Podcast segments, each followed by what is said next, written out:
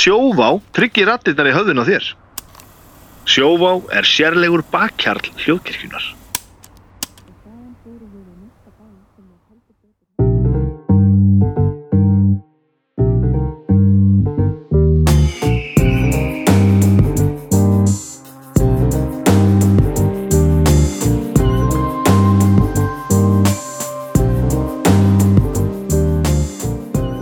Komið í sæl og verið velkomin í bestu plötuna.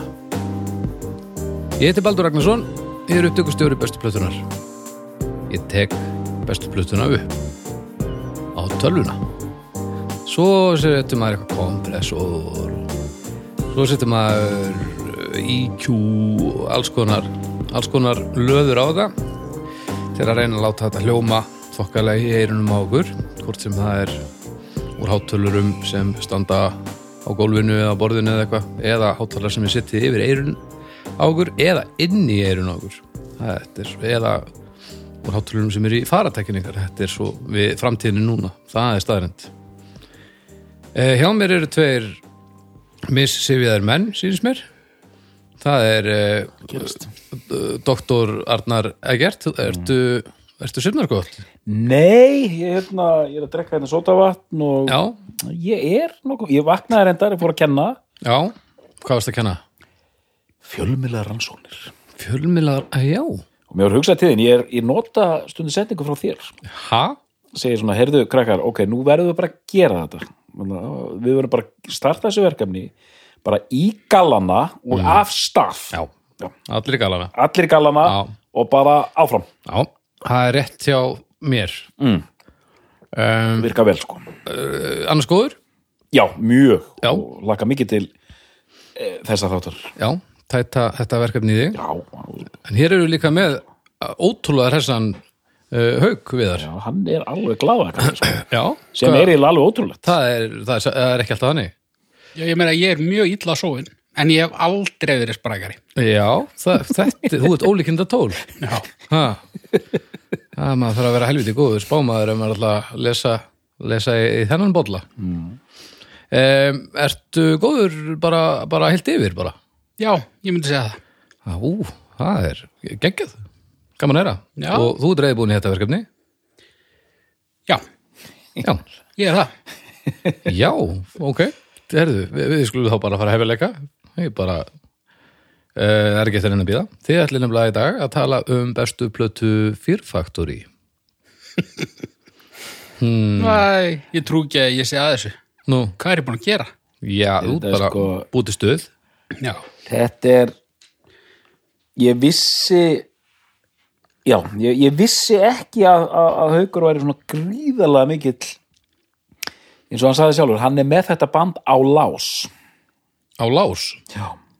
Já, hann bara, hann veit allt um fyrirfóttur það er þannig. Á ég bara, Ég- já. ég legg frá mér síman. þetta er, það er eiginlega bara, bara þetta er svona eins og big country þátturinn sko. það er bara að fara að koma fyrirlestur hérna um fyrir, fyrirfóttur sko.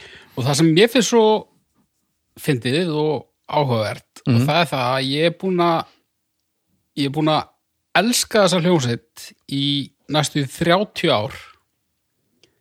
Ég þekki engan annan sem elskar þessa hljómsveit. Engan.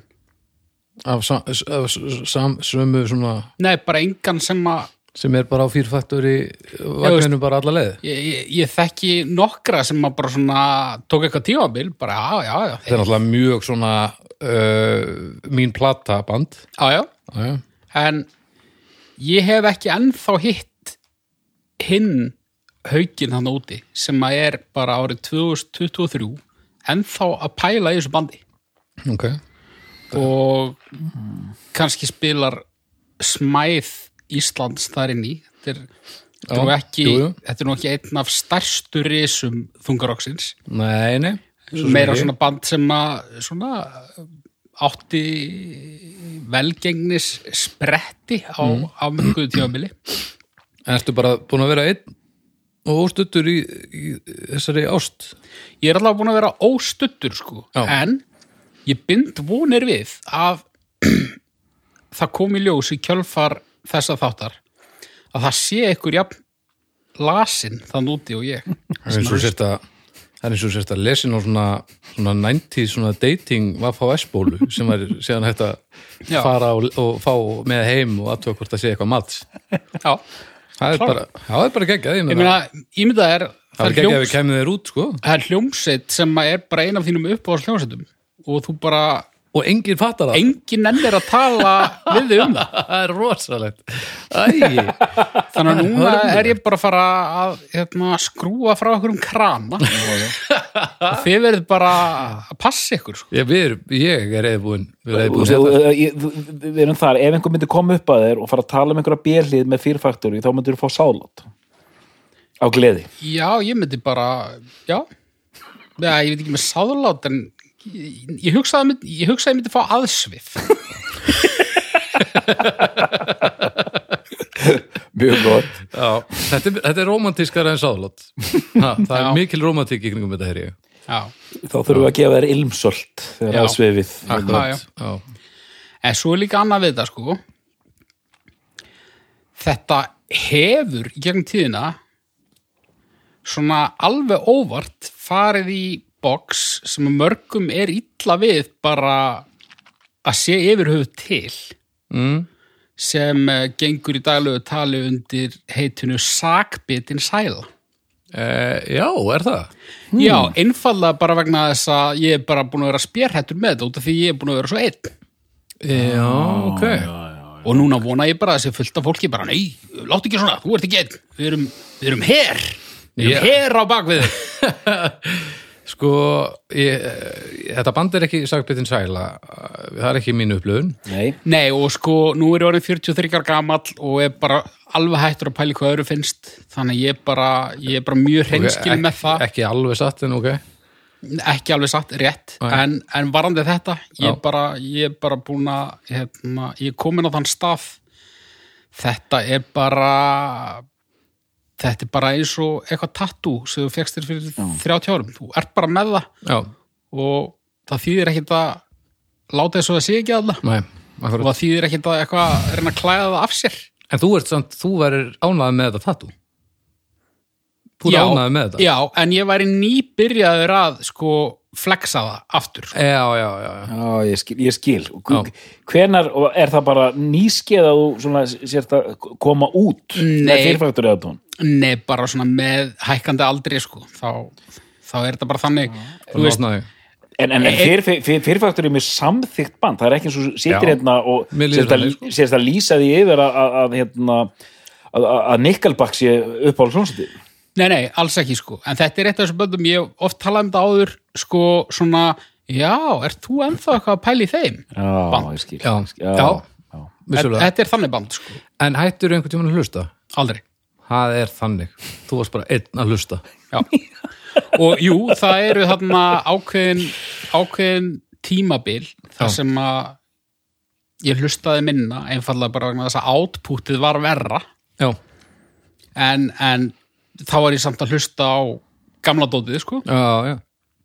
þannig að nei og, og þú veist þetta er band, ég, ég var að tala um þetta við Arnar hérna þegar ég var að stinga upp á þessum tæti þetta og ég áttaði mig ekkert á þessu en þetta er líka svona hljómsveit e, maður lendir oft í því að maður veit ekkert alveg hvað maður langar að hlusta á Mm og veist ekkert alveg í hvernig stuðu þú ert Já, þá er þetta default, já, já. þetta er alltaf default Þetta er relationship of command, já, ég veit ekki alveg hvað það þýðir en beinti aðtidræfin.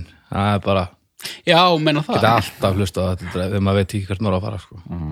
já, ég held að, að þetta hugtak þýtti eitthvað Ekki er það pottitt. Örgulega eitthvað mjög djúft. Alveg heil djúft.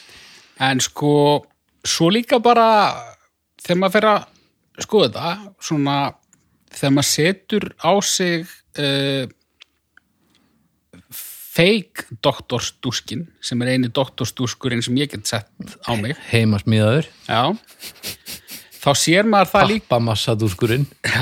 þá sér maður það líka að þessi hljómsveit er liðstæðulaus Mhm. ákveðunleiti Já, og áhrifa hennar bara hefur gætt víða rétt.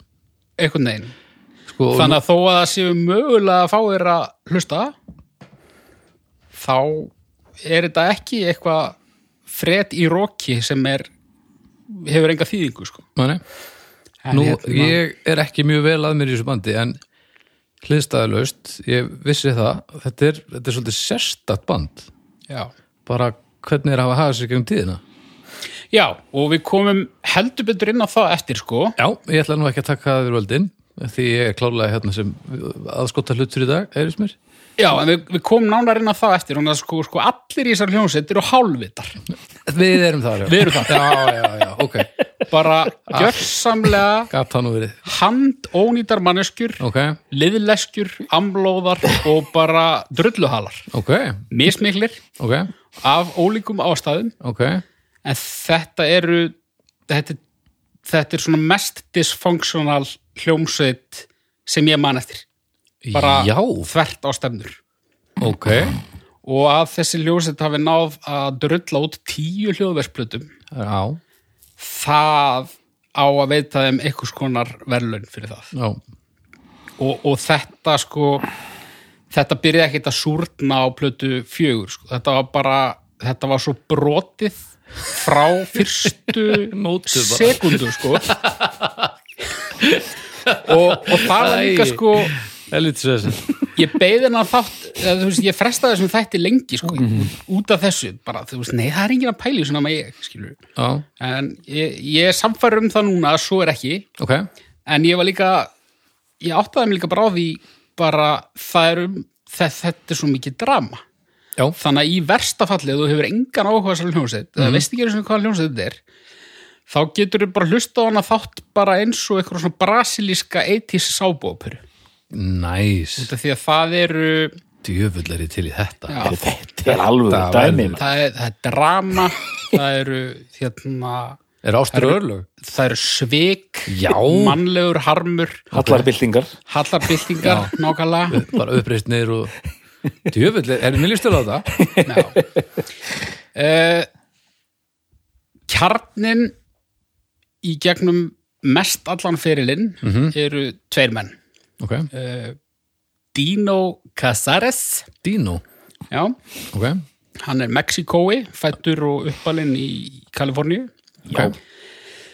uh, metal hundur mikill uh, þrass dauði Já, uh, grænkor já, hratt já, Hratt, hratt er gott U2 Ha, uh, hann er mikill The Edge maður já, já, já Grænkur og, og, og Edge já, og, og Wings Já, já, já, já Já, auðvitað, auðvitað og hérna nú er ég bara að tína til bara svona eitthvað sem ég fann það sem að þeir eru eitthvað að hérna, uh, auðsa lofi yfir hérna, það sem þeir svona spruttu úr sko þó maður já. kannski heyri ekki maður heyri ekkit alveg Möll of Kintyre í, í, Fýrfættur í fyrfaktori sko. Nei, nei, nei, nei, en ég en meina þú veist það er örglað maður Já, já, ég meina, þetta, þetta plantar sér í, í, í heilan, sko Einhverfur Já, sko, ég var eitthvað að fjasa um það á Messenger að ég held að hann veri einhverjur, sko. Ég er ekkit viss um það, sko. Ég, og það er alltaf verið að segja mann að maður er ekki að vera sjúkdómsgreina aðra, sko. Þannig að ég er svona fekk eiginlega móralum leðu og búin að sleppa orðinu. Já, En hann er, sko, það er klárlega alls konar þráhyggjur þarna Ok. og alls konar komplexar og skortir mikið upp á færni í samskipti við aðra ok, hann er alveg voðalegur ok uh, Hva, Hvaða hljóðfæri eru við að vinna með hann? það er gítarleikari Það er gítalegari Já. Ok, uh, hinn svona aðalmaðurinn mm -hmm. ekki að slappa Burton C. Bell hann er hérna fættur og uppalinn í Houston Texas ok, og hans bakgrunnur er í postpunki indie industrial raftónlist goth dæmi þú já, veist, já Svona meira hvað, Já. Svona meira leikhús og, Já, já, og experimental dóti einhverju já Ok, hann flist til Los Angeles í kringum tvítugt, þeir kynnast og þeir uh, eiga mjög lítið sameigilegt fyrir utan aðdáun sína á hljómsveit sem heitir Godflesh já, og svona fleiri svipuðum böndum Swans, ja, ekki svipuðum böndum en s- svona, þið, þið sjáu Já, já, Neubáten, snerti flitina, nói bátinn já, þessi ind- 80s industrial sena. já, já, uh, og þeir stopna hljómsveitina, hún gekk nú undir einhverjum nöfnum áður svo fallast þeir á hið skelvilega hljómsveita nafn Fear of Factory Fear of Factory já, hræðsla við versmiðu já, já það er ekki út, gott út af því að þeir kerðu fram hjá einhverju versmiðu þar sem að voru mjög svona ófrínilegir vopnaðir verðir já, þeir bara, "Æ, Fear of Factory, það er gott Fear of Factory. já, en hérna en Fear Factory var lendingin já go- gott að er offuð og offinu Já, og þarna er komið til sögunar einnig trommuleikari okay. sem er líka mexikósku bergibrotin Raymond Herrera. Okay.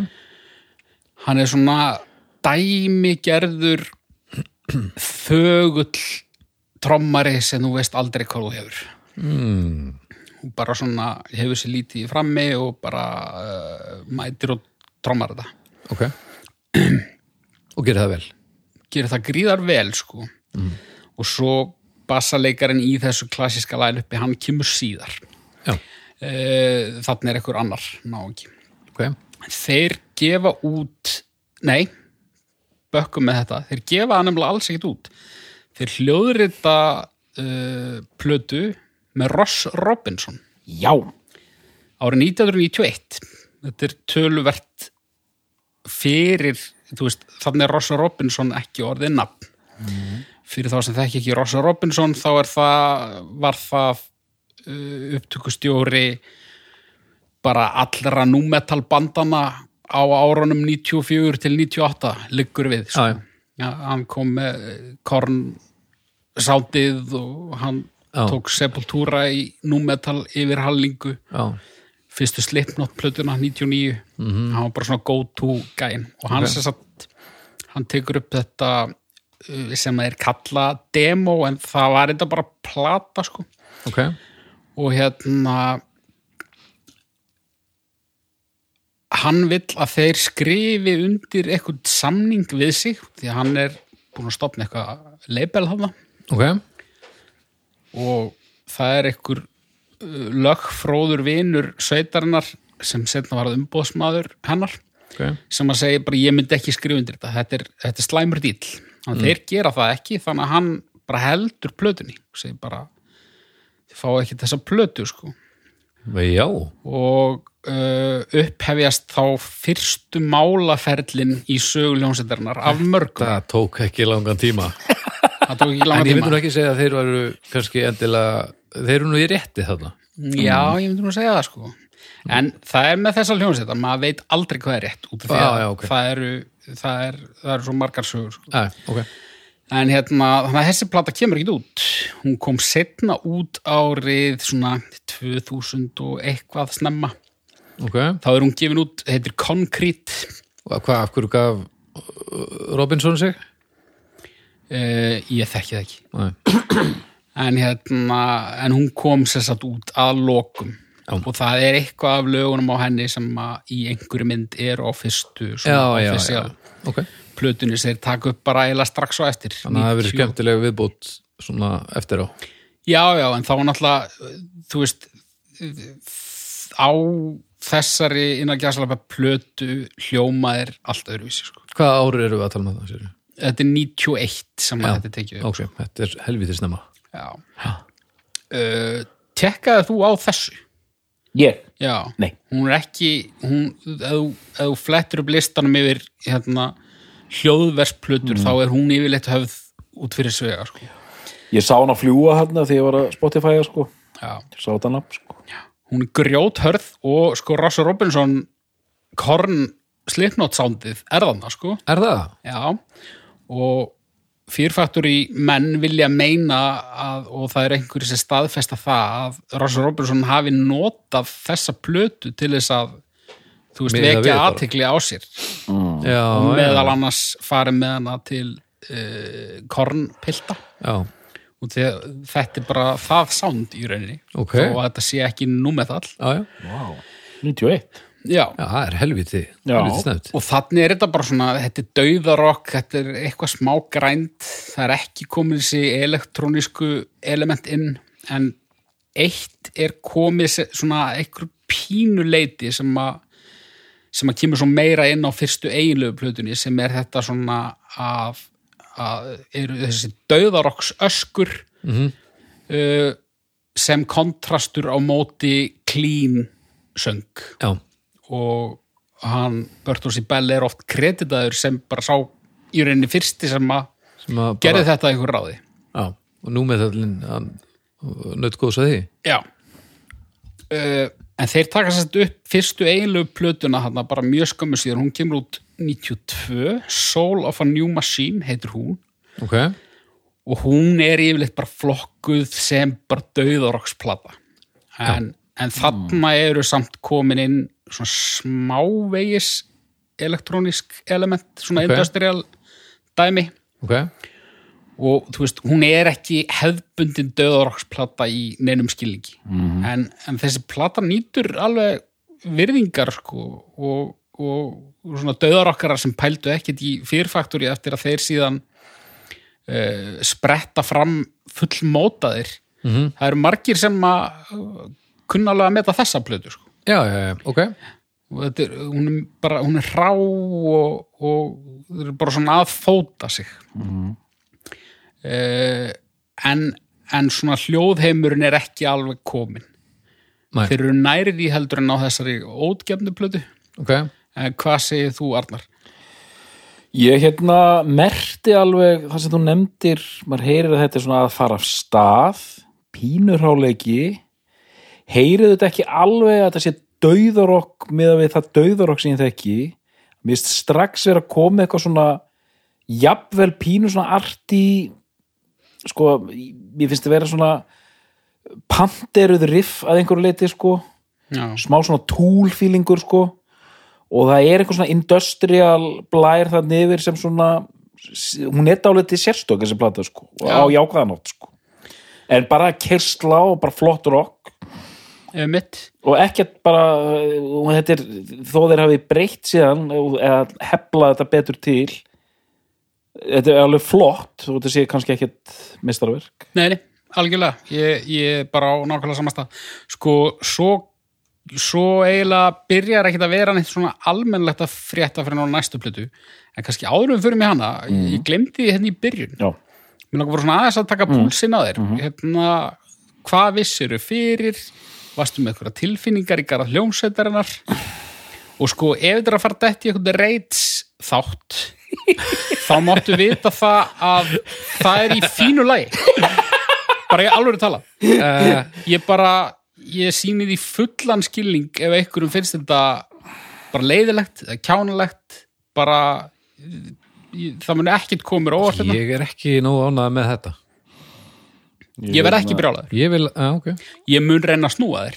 En, Ég hérna, já, ég, ég held ég að mér sér lísti yfir einhvern veginn þetta um að, að reits dæmið verður aldrei endur tekið, það er eh, annarkvort er að gullmóli eða, eða, eða helvíti pakkað inn í, inn í hlaðvarp, hérna, mhm, hvernig sem fólk vil á þetta, lí- líta á þetta sko, mm fólk er að skemmta sér yfir þessu en, en, en, en sárt var þetta, já, Ég- þetta tók á, þetta tók á, ég, ekki fyrir neitt nema þá sem voru í laðvarpinu samt. ég, ég bara, já, ég svona eins og ég satt, ég hef blendnar tilfinningar gagvart þeim þetta um, og skammast mín dálítið um, en hérna Fear Factory uh, er nafn bara sem ég þekki og þekkti og ég fæ bara svona minningar frá Japis, það var bara svona einn af þessum diskum sérstaklega þessi þarna sem við erum væntalega að fara að tala um bráðum núna, hérna, hvað heitir hann? D, D-Manufacture. D Manufacture, þetta var bara ég var að vinna í Japis 99 og þetta var bara diskur sem var alltaf aðna og sem kom einhverju dúttar hérna, við og við og keiftu þennan disk og mér finnst eins og og þú veist, bara, já, eru þið Arnar hérna Fear Factory, það var alveg svona gaurar sko Já, já. Já, það er Fear Factory Þetta hljómar ekki eins og haukur hérna. þannig að Nei, þetta hefur ekki verið haukur Já, mér er svona Hérna, hérna hljómsveit sem myndir í Fear Factory hérna. fegar faktori Þetta er hérna gamla Fear of Factory og hérna ég hef örglað því þegar ég var að vinna hann í Apis þá voru allir þessi diskar og við máttum fá lánaða diska heim sko. Wow, djöfursins búbót þannig að maður var að renna öllu þarna þú veist, ég man ég rendi fyrstu system og fá downplötunni sem var til hann og mm. þessum Viktori plötum öllum hann hvað heitir, Snapcase og eitthvað svona dótar í sko Já, ég hef örgulega tekið þetta rendi þessu einhvern tímann og fyrir mér þá, nú er ég búin að kanna þessi mál betur, var þetta bara svona eitt af þessum crunchy 90s emmitt, svona industrial Nine Inch Nails uh, bara Nine Inch Nails að spila Pantera þungarokka eða eitthvað leikur sko mm. en hafði engan sérstaka hérna ég hef ekkert sérstakt sérstaka skoðun á þessu en heldur bara, já já, bara fínt En ekki mikla einsinn þá inn í ferlin eða alls ekki, ég, ég vissi ekki neitt sko. en hérna, þetta, er, þetta er þannig tónlist þetta er þannig tónlist og, og þeir sem hafa hlust á þess að þetta vita að þetta er bara músík sem þetta er músík sem ég fíla þetta er bara flott sko þegar þú varst að hlusta núna var eitthvað sem að svona hringdi einhverjum bjöllum eða, það var ekkert la- mér finnst eins og ég eigi að þekkja einhvern, einhvern hittara þarna og sem gæti verið ekkert hérna það er ekkert hallarislegt sem ég, ég finn- nema þarna nei, bara alls ekki þetta er auðvitað sko að, það mætti alveg segja að þetta sé svona product of its time þetta er mjög mikið 1995 Bart sinns tíma já, já, bara síður leðu frakki og sólgleru og, og hérna spæk í hár og já, já, Já, og, bara get ekki beðið eftir metri stöðu og, og, og, sko en það var auðvitað eitt sem Það kom, er þetta fyrir það það var auðvitað eitt sem kemur hann inn sem ég hafði ekki átt að mig á og það er nú eitthvað sem hérna kýtlar mig alltaf að það er ef það er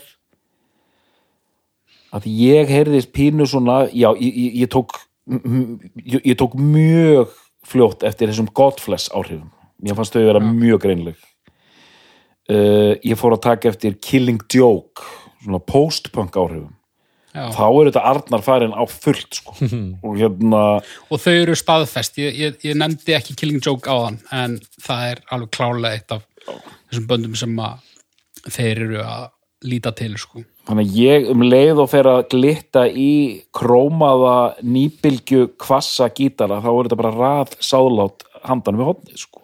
Hú er svolítið í sáðlóttir í dag Já, ég veit veit ekki hvað þetta er, ég þarf aðeins að fara að róa mig niður hérna. Já, þetta er heldur fína Þetta er leðusofi eða æsaðu upp og Já, róaði síðan þeir já, já, já. Þarna talaði gamall maður Þannig að sko, ég alltaf fór að taka eftir þessum nýbylgju gíturum sem var daldið lenska hérna, Deftones voru daldið að mýga utan í þetta líka. já, og síðan fóru öll þessi bönd í að covera Duran Duran og Gary Newman og allt þetta dót sko. já, þannig að ég er svona já, ég er alltaf um leið- kemur einhver killing joke gítar þá er ég alveg bara bara glimrandi gott Já. Einmitt. Ég hérna, já, þetta, þetta er alveg rétt. Það, það voru mörg bönd sem að fóru að koma með þessi svona kuldarokk áhrifin í þetta og, og hvað vera ekkur, ekkur 80s smelli, sko.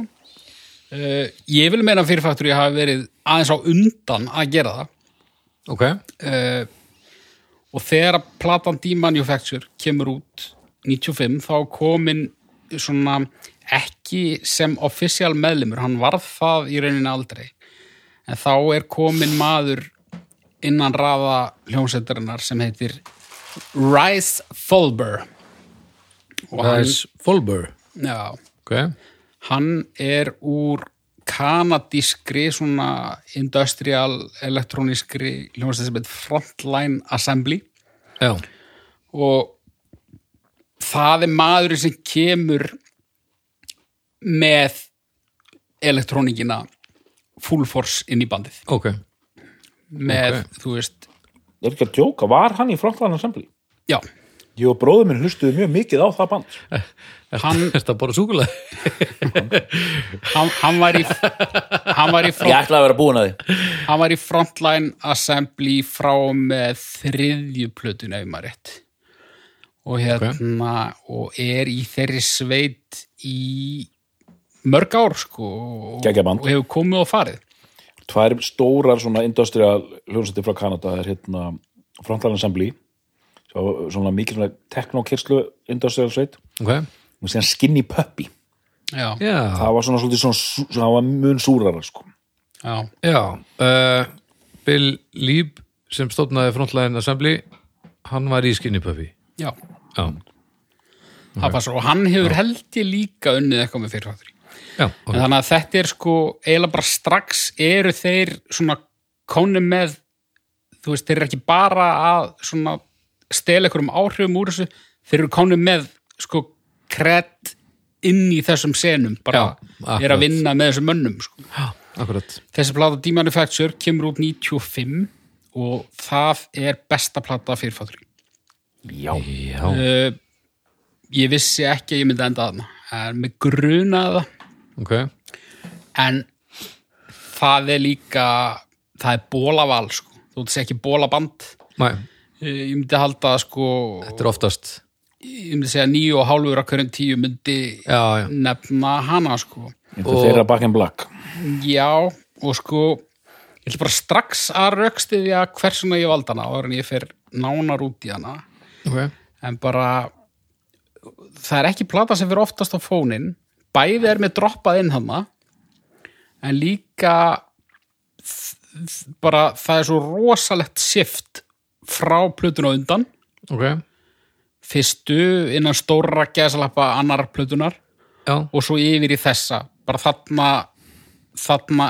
eru þeir fullmótaðir þetta er þriðja official platan er ekki þetta er önnur offisjál platan í Nú. rauninni ó, svo er þarna er ekki þarna solo Solo for New Machine er fyrsta official LP platan já, svo kemur svona eitthvað remix plata sem heitir Fear is the Mind Killer já, og líka staðsendingin á, á nafni plötunar á plötumslæðinu er líka mindkiller eða við séum þetta hérna já, já, Ah, já, við skulum setja textan bara svona lengst til vinstri einhvern veginn, bara svona, þetta er já, já. bara flott þetta er flott þetta gef, þetta er, ég er með heila blóðfall núna því öfur, allavega en hérna, já, það, það er bara svo þú veist, og þarna koma þeir með blúprintið að öllum ferlinum ok, og það er bara þarna og það eina sem breytist í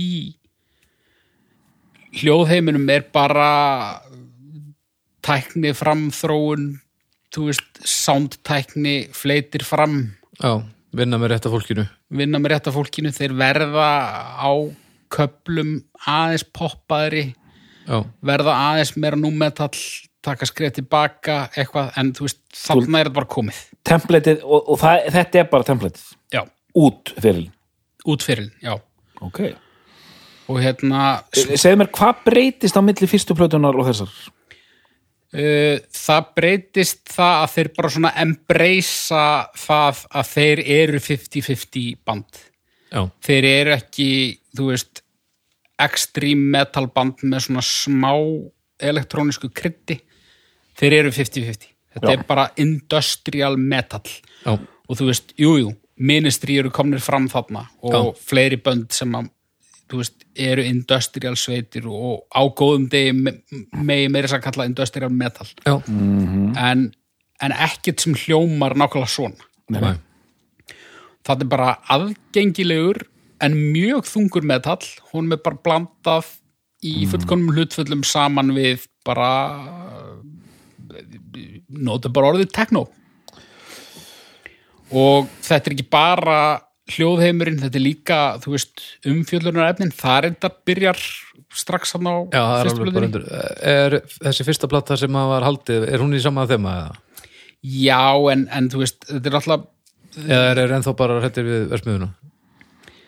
þetta er, þetta er, þetta er svipað sko Já. en, en það er bara búið að það er bara búið að skerpa á öll Já. þarna. Já, Uh, og þarna kemur inn sem sagt bassaleikarin Christian Olde Wolbers belgíski markverðurinn sem að náði ekki að spila inn á plötuna ha? en, en hann sem sagt kemur inn í bandið þegar þeir eru að leggja loka hönd ég held að hann hafi náða að spila inn á tvölu eða eitthvað belgíski markvörður þetta er belgískur maður sem að var þótti mjög efnilegur markvörður Já, og sagan var þannig að, að bara, þú veist, hann þurfti bara að velja sko, Já, bara rockið eða, það eða er markið eða markið. Markið. Hvað sagði hann væri? Trommari? hann er basalegari Bassaleikari, já. já, já. Og hvað valdi hann? hann valdi hérna, industrial teknometalin Já, fram meður markvörslu. fram með markvörslu Já, já. og, hérna, og þetta er náttúrulega þetta er fáraleg blanda einhver, einhver Texas arti lufsa Aha, einhver tveir Mexikóar aha. og belgískur markvörður Þetta er ekki þetta gat aldrei annað en klikkað Þetta gat ekki orðið eðlilegt allavega. og þessi plata, hún er svo sko, ég heyrði þetta fyrst ég, ég, ég, ég tekkaði hvenar ég heyrði þetta fyrst og ég komst að því í hvaða mánuði, hvaða ár ég heyrði þetta fyrst og því að fyrsta sem ég heyri er lánum með fjögur af þessar plötu sem heitir Replika ég heyri það á svona sampler CD sem fylgdi með Metal Hammer og platan kemur út í júni þessi sampler CD kemur út í oktober þannig að oktober 95 er mér droppaðinn já, ég heyri þetta lag og ég bara, ó, ég verði ekki þetta og bara beint í apis eða hvað sem það var, hvað lag var það? það var replika Replica sem var mega singull já, svona í samhenginu sko. svona MTV Alternative Nation já, jafnvel, sko, maður sá myndbandið stundum í headbakkarsból og svona já, já, að hérna en þú veist, þegar við erum að tala um hittara hjá þessu bandi, þá erum við að tala um já, já. mjög afmarkaða takmarkaða starf en mér finnst ég ætla að skjóta þið inn hérna bara hendið þið inn í mixið að þú nefnir ministry já, sem þróuðist einmitt upp í það gaf þannig að Psalm 69 sem var bara svona industrial metal Mhm. en ministri koma úr mjög svona arti underground átt eða mitt mér finnst og bara korrekt mér fann róm, mér finnst Fear Factory eru svona koma alveg rækilega úr einhver svona metal átt þannig séð Já, og, og markvörslu. nú náttúrulega Og- og- víða í- já, á markvörslu. Íþróttum. og mér finnst vera svona það er, þetta er svona Pantera riffa element finnst mér sem, sem, sem, sem ministri voru, voru aldrei í sko. Þetta er meira Nei. grúfandi, sko. já, já. Þetta er það. Þú Veist, þetta minnistri er miklu meira bara þú veist, eins og lart já, já, eða eitthvað, þú veist, gítararnir eru úkslega svona, Meir, það er allt á leiðinni þangað. já, Þetta er úkslega, rosalega drífandi. úkslega og allt úkslega svona gerfilegt Mhm. sem að það á að vera mm. en þannig er verið að blanda saman einhverju sem á, á að vera live hljóðfæri en allur gangur að því hvort þau séu það Já, já. en hérna en já, góðu punktur sem þú segir að hérna, þetta er svona þeir nálgast þetta f- frá hinum endan já. þessi plata er rosaleg hún er rosaleg og sko, ég heyrði þetta og ég hafði aldrei heyrt svona Nei. og þú veist, það er fullt af plötu sem ég hlusta alveg að mikið á á sínum tíma, þú veist, ég var að detta á svipiðum tíma aðeins fyrr inn í Pantera inn í Machine Head, inn í Sepultura Mhm. skilur ég hlusta alveg jafn mikið á þetta allt en öll þau bönd áttu sér einhvers konar hliðstæður já, Mhm. já. skilji. en þetta var bara algjörlega einstakt ég bara hafði aldrei heyrt svona og ég bara man, sko, ég var ekk- ekkert tímann að ég verið unglingavinnunni bara eitthvað að reyna að sannfara eitthvað mann um að þetta væri, væri bara besti heim og var að fara með eitthvað textabrót og eitthvað, við styrir ekki geðvegt hann horfði á mig og bara Þau verið svalur. Nei, minnst það frekar hallarislegt og þú veist, þetta situr í mér Já, ég er það. það eru 28 ár síðan Já, já. hann starði á þig eins og naut á nývirki já, þú veist, ég leiðum ekki einu svona að heyra þetta að það hefur kannski hjálpað eða ekki, ég veit það ekki Já, möguleiki. en hérna, Heldur hann sé ennþá sér söguna því þegar þú varst að já, segja hann frá þessu. Nei. En að dáin eða eitthvað. nei, að ég get sagt ykkur off-air sög og svona eitthvað. en hérna, já sko, og bara strax í fyrsta lagi bara, hérna titilæginu þá bara, bara á fyrstu fyrstu tíu sekundunum þá heyrir þau bara, ok, þetta er eitthvað sem ég hef aldrei heyrt nokk tíman Mhm. og hérna þú veist, ég veit ekki hvort ég er að taka þetta lag fyrir lag sko. hún er, hún er framhlaðningur ok, Ok. en sko, setni helmingurinn er ekki lélugur en bestu lögin eru framar sko. já, það er þannig segðu frá uh, tímanum fessur, fyrsta lagið mm -hmm. titilagið, s- alveg sjúkt sko, bara uh, hérna bara svona fyrsta, fyrsta lagið sem að það sem þeir eru bara orðnir það sem þeir eru yfir í self-bias resistor sem að er Hvað- þú Blaðlust, mér finnst það ótrúlega kúl þetta verður allt blaðlaust sko. sem er sko bara eitthvað svona double kick vitlesa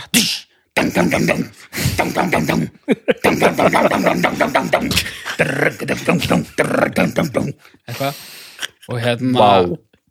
bara það lag reyndar reyndar, það lag ég náði að húka alla morðingja svona til hálfs ok hann er svona hálfgildings fyrirfaktur í maður sem er nú alveg heil maður svona, já, já, nákvæmlega hann er alltaf einhverju sjö metrar eða eitthvað Já, það er svona, það er svona 1.50 á honum sem er fann. já, það er nokkuð gott Uh, yfir í lag 3 sem er hann eh, var í myndinni Mortal Kombat já, sem ég hef nú aldrei séð. Uh, Zero Signal og þarna líka sko, þú veist, þetta var í tölvuleikjum, þú veist, Já, já. öll þessi lögur í já. Karmageddon. öll megnið af þessar plötu var í Karmageddon Já, í- nema í- bara í- ósungin instrumental, já. já, ósungin og mm, leikurinn var frábær, hann var miklu betri með þetta, þessa sturlun undir Já, já. og ég man sko djöfull á Karmageddon góðu leikur já, og sko ég, ég vissi þetta pappi einhverjum hlutu vegna var pappi með Karmageddon leikin en það var ekki hljóð í honum ég veit ekki af hverju hann var, á- hann var á Macintosh, já það var ekki hljóð í honum þannig að ég bara, ég þurfti bara í tók play á saman tíma ég þurfti bara ít að playa saman tíma þannig að ég spilaði Karmageddon með söng Vá, það er advanced maður uh, yfir í replika sem er svona útvarpsvænasta uh, lagið á þessar plötu ekki, ekki ballads samt alls ekki Nei.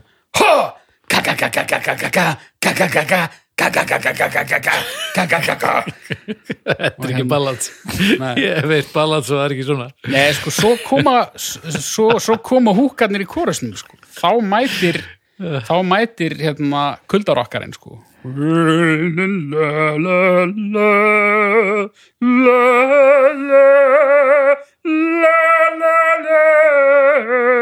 það var engin að þessu Nei.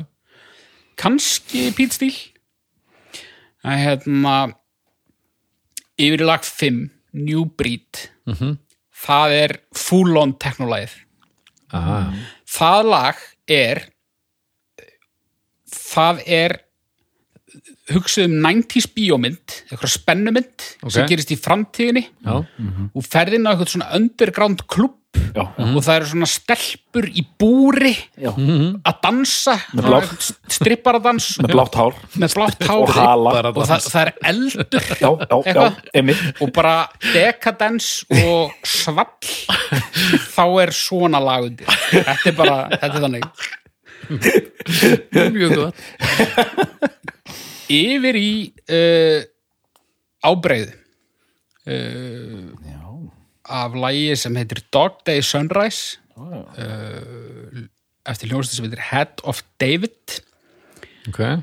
uh, Head of David, hvað er það? já, sem að doktorinn sagði mér að væri ekkur fyrir rennar í Godflesh ég, Já, einhver einn náungi úr Godflesh Justin Broderick sem var í Napalm Death hættir í Napalm Death og stopnar þetta band Head of David sem er meira svona nýbylgju, killing joke, underground eitthvað dót þeir, ge- þeir eru starfandi í kannski 2-3 ár áður en að neglið síðan í Godflesh sko. mm. mestalegi 2 ár Þetta hefði þetta upprunalega var það ekki Fear of David já, Fear of David já þannig að þetta, þetta er svona millispil og hjá bara honum. ógeðslega vel hefnuð ábreiða sko, ég náttúrulega heyrði þetta 20 árum áður en ég heyrði orginal já, já. en hérna er Hver- margir Hvernig sem, er orginallin? Er það svona Godfleshlegt eða? já að einhver leiti en, en samt meiri meiri nýbylgja samt Vil ekki segja það? hvað? Orig, orginallin af þessu leið? orginallin að þessu lægi Jú, bara, jú, bara me meira þetta er svona, maður heyrir bara að þetta er frá Englandi, hérna orginallin sko Já, já. það eru eng englendingar að spila þetta í svona bara farin að fatta hvað Killing Joke er áhrifaritt band að maður- það, það, það heyrist svolítið greinilega í þessu Head of David lagi sko. já, en sko Justin Broderick, ótrúlega sko hann, hann tekur þátt í Skömm með Napalm Death sem er bara hinn mesta tímamótablata allra tíma mm. og gerir síðan Street Cleaner með Godflesh sem er bara rosalegt dæmi sko það verður að teljast nokkuð gott Bara helviti góður, góður árangur sko já Hörru, shit, þú, Já, mátt, þú þú, ert- þú, þú- mátt ekki segja með hvað lagnum með sjö heitir því að það heitir, býtur hún við það heitir Ah,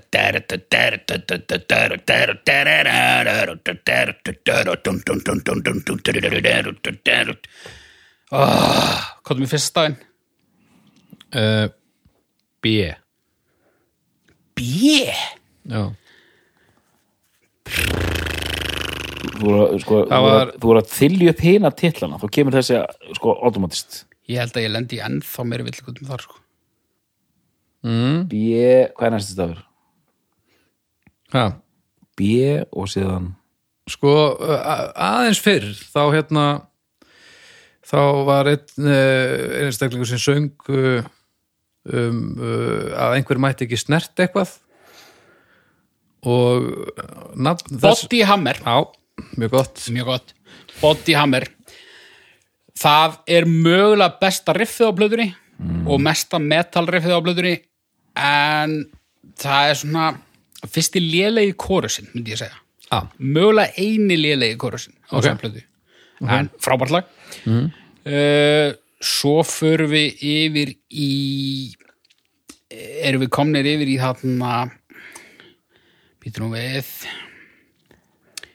Hunter Killer mm, Nei, við erum ekki komin þáka það er svo langt komin að Þetta, það er hérna, þetta byrjar á trommum og svo kemur clean bassi og svo kemur riffið mm, þetta er alveg talið fram sem sko sem sko uh, ja, þa- þetta til dæmis, það er linkur á þetta lag Já, heyrðu, áhugavert Þetta er ekki piss kræst nei Þetta er ekki hérna Kottu bara með það. Það er bara tvölu eftir sem þú ert ekki búin að nefna sko. Þetta er flashpoint. Flashpoint Derundu, derundu, derundu, derundu, derundu, derundu Já, bara svona kyrslulag Þetta er lag sem, þetta er lag sem ég hlustaði gríðlega mikið á. Aha, Já, þetta var mitt lag. gott lag Þetta riff er alveg suttalegt. Já Yfir í HK Hunter Killer Jú, jú. sem er svona hægt svona skriðdrekalag bara fínt Já, uh, yfir í Piss Christ sem er hérna, líka svona trökkur hlandkristur. en þið sjáu ég hef minna um þessi lög öll að segja Já, já. svo er ég framhlaðningur Já, og svo endar þetta á hana Therapy in Pain sem er bara Að therapy for pay. að Therapy for Pain sem er þú veist, þeir eru að reyna við svona hæga epík og svona þetta er pínu tæp og negatíf sko. Já, já, ég, rétt ég, tæpar tíu. ég var mjög hrifin af þessu lagi mér fannst þetta eitthvað svo fallegt sko svona deepest mode feelingu líka sko Já, og maður heyrir það þarna, hann er engin sko, hann er engin Kristján Jóhansson sko, hann getur alveg sungið, en hann er ekki, þú veist, hann er engin stór söngvari, en hann veldur sínu hlutverki mjög vel, en þarna heyrir maður út af því, þú veist, hann er að syngja yfir bara tromm, svona hægar trommur og bassa, maður heyrir hann svolítið bara svona hráan, Já, að maður heyrir svona vankantana á honum sem söngvara, en það er bara mjög sjarmirandi sko já. því að síðan setna á ferlinum hann verður alltaf unnari og unnari Já, ekki bara söngurinn heldur bara, bara bara sem manneska. já, og bara öll hljóðfæri og allt þú veist. þetta verður alltaf meira meira digital sko. Já, já, já, já, já, já, unnari og unnari, já, já, já, já. ég skilði núna.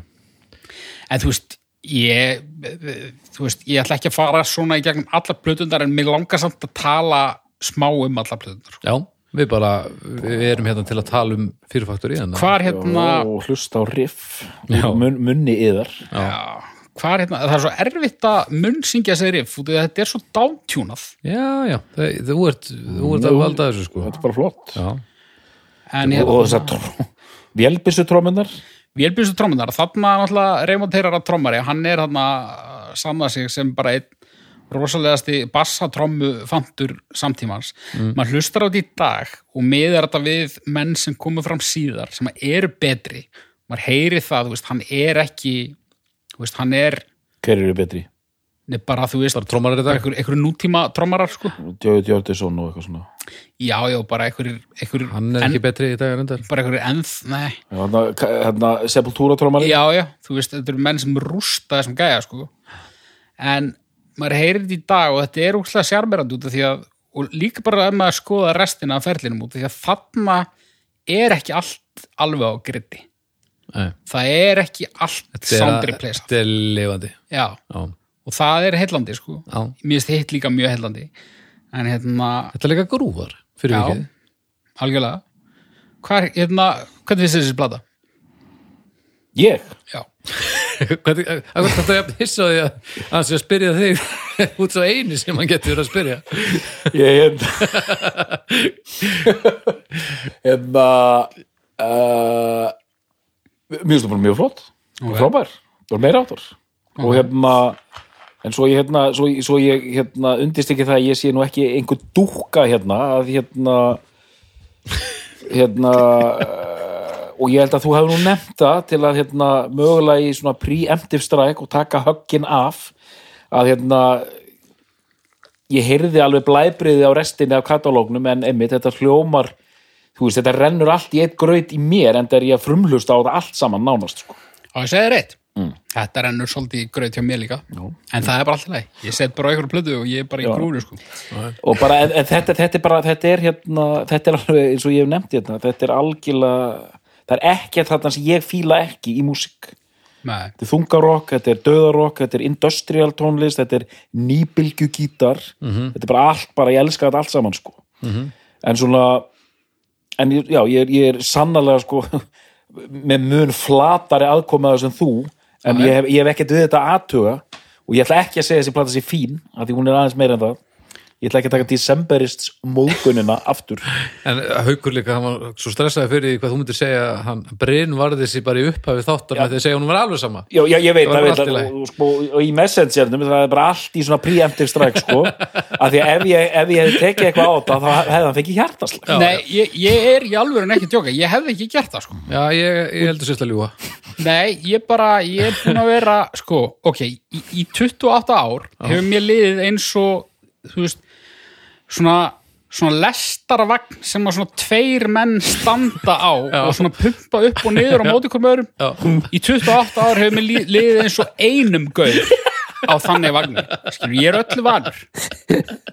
Þannig að bara, þú veist, ef, að- ef að doktorin hefði mætt þetta bara með eitthvað Burtons í Bell andlitið bara húðflúra á sig, þú eru rosa glaður. En ef hann hefði sagt, já, ég, ég, ég var ekki að tengja við þetta, þá er bara ok, það er bara, Þú veist að segja bara eitthvað respons er bara vel þegið Já, Já. Þú ert bara með sigg á fyrfættur í sálinni já, algjörlega. Já, já. Uh, áður en við fyrir mig í næsta blötu, þá verðum við Mm. að nefna líka svona umfyllunarefnin, sko, því að þarna er það svo skýrt og þú Já. veist, það er eitthvað svona smá hintaði á plötunum undan, en þarna, þú veist, þarna farið að vera stærri konsept, sko, og sko næsta plata á eftir er bara svona hreinræktuð konceptplata, þess að segir eitthvað sögur með karakterum og eitthvað Mm. en basically þeir eru búin, þeir vinna með þeir eru alltaf að segja sömu Mm. söguna Já. allan fyrirlin öll fyrirfættur lög fjalla um uh, hvernig tæknin Tók yfir tekur yfir Já, þetta og þess vegna er þetta pínu svona skemmtilega relevant í dag textalega síðan sko mm, Já Ég meina, og þeir náttúrulega bara stilu þessu beint út termiður, Já, já, skilur já, já.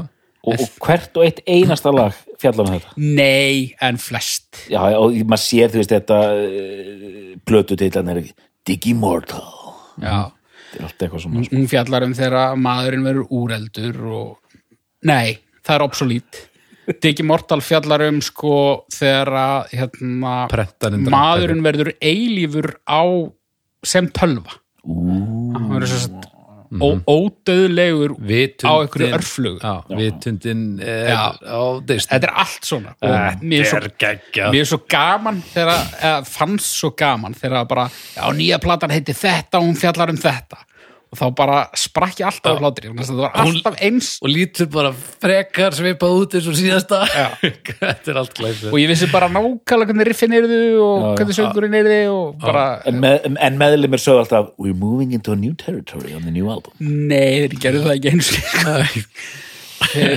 en hérna, já næsta plata, 98, Obsolete ég man, ég heyrði fyrsta lagið af henni á öðrum Metal Hammer samplerdisk mm.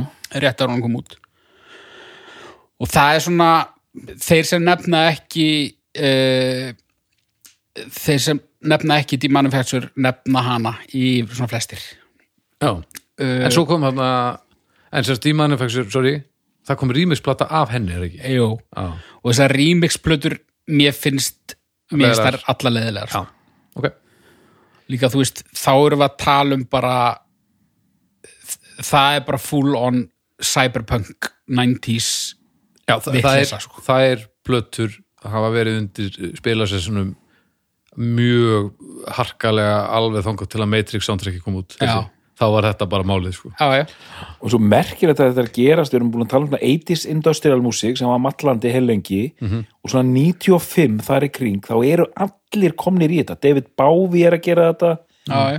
Nine Inch Nails er þetta með sitt og allir, við, við tókum einhverja Dio-plötu hérna einhvern tímann sem var eitthvað svona að því hún kom út 97 þá var svona smá industrial touch já, já. Mm -hmm. gerðu kissið ekki eða? það er maður ekki það voru allir að þessu Já, En hérna, já, obsolete, ég, ég ætla ekki að tala mikið um hana, hún er frábær ég, ég, ég held að ég geti mögulega endaðar en svona þegar ég var að taka þetta svona s- með skipulöðum hætti núna, þá eiginlega átt hún ekki sen, sko en, Obsolete is about the future of mankind and how machines have taken over humanity já, já, Jöfisir stilt og sko It was inspired by the band's belief that humanity has become too reliant on technology já, Þeir eru bara, ef þeir hefðu ekki stofnað hljómsveit þá væru þeir bara júna, júnabomber rúglega Já, en hérna já, og þa þarna það var eitthvað svona graphic novel sem að kom út Já. þú veist, og bara Gott. við fóru bara alveg í röglið sko. og hérna frábær plata og bara eiginlega öll lögin nokkuð sterk alveg upp í alveg frábær sko uh, en hún er ekki hún er jafnari, hún er ekki framhlaðningur sko, topparnir er ekki að brosalegir Ok. en, en sko loka nikkurinn er uh, ég myndi segja að það sé eitt stærsta afreg fyrir fátur í það sem að er uh, lagið Resurrection og svo kemur svona smá lokaspil þar á eftir sem heitir Timelessness þetta er hérna þar taka er epikina alveg allaleið bara strengir og bara þetta þetta er ótrúlegt dæmi ok hlustar á þetta lag? Já, já, ég heyri þetta í dag Ég, bl- ég blasta þessu þetta er, þetta er alveg rosalegt sko. og þú veist þessi plata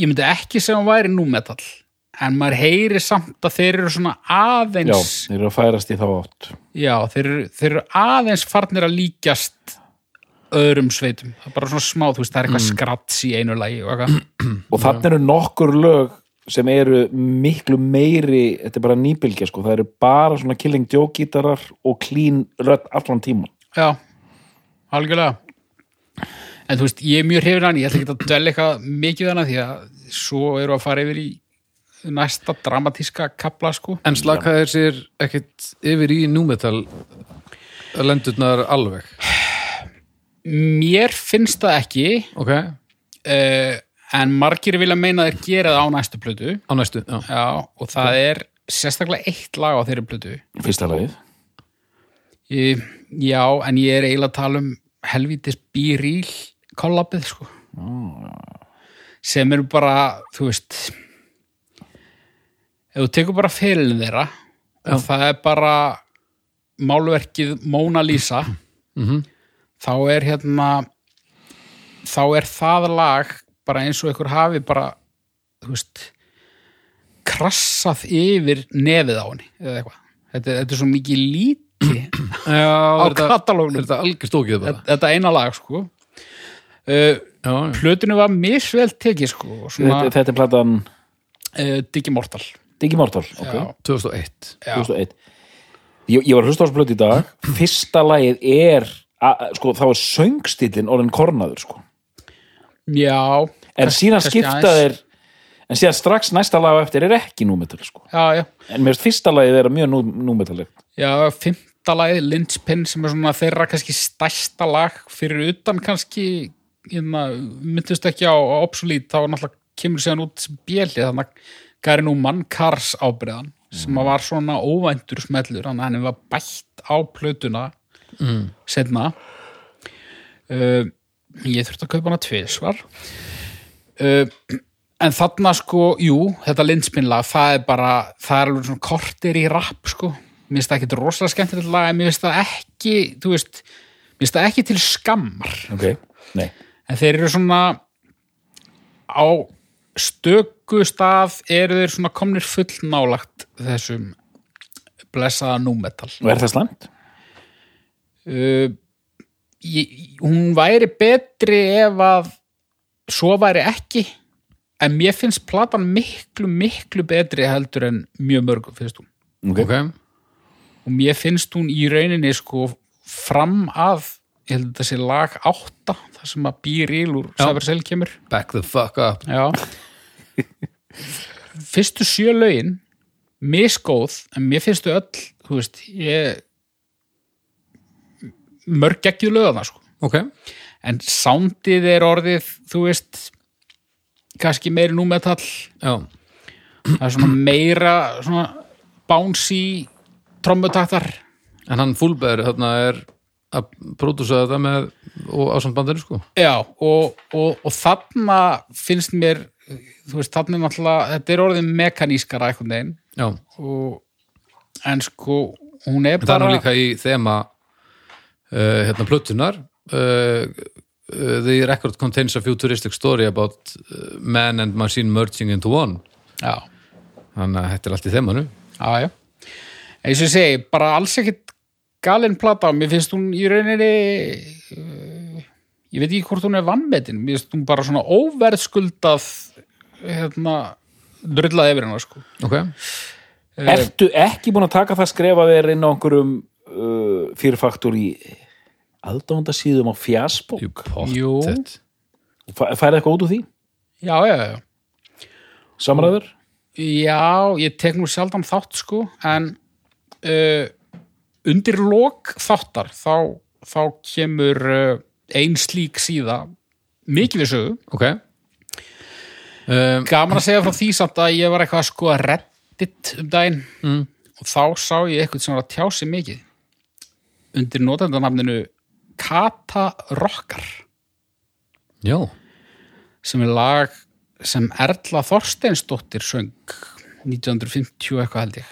já og ég held að þarna væri ég búin að finna Sál, íslenska Sálufélagan íslenska sálufélagan sko. Já, en þá var þetta einhver ljósmyndari í Seattle já, einhver, einhver maður ég veit ekki okkur hann heitir Kata Rockar Kata Bill Rockar Bill Rockar Já. Já, já ok fyrstu nafnið á þessum ljósmynduna?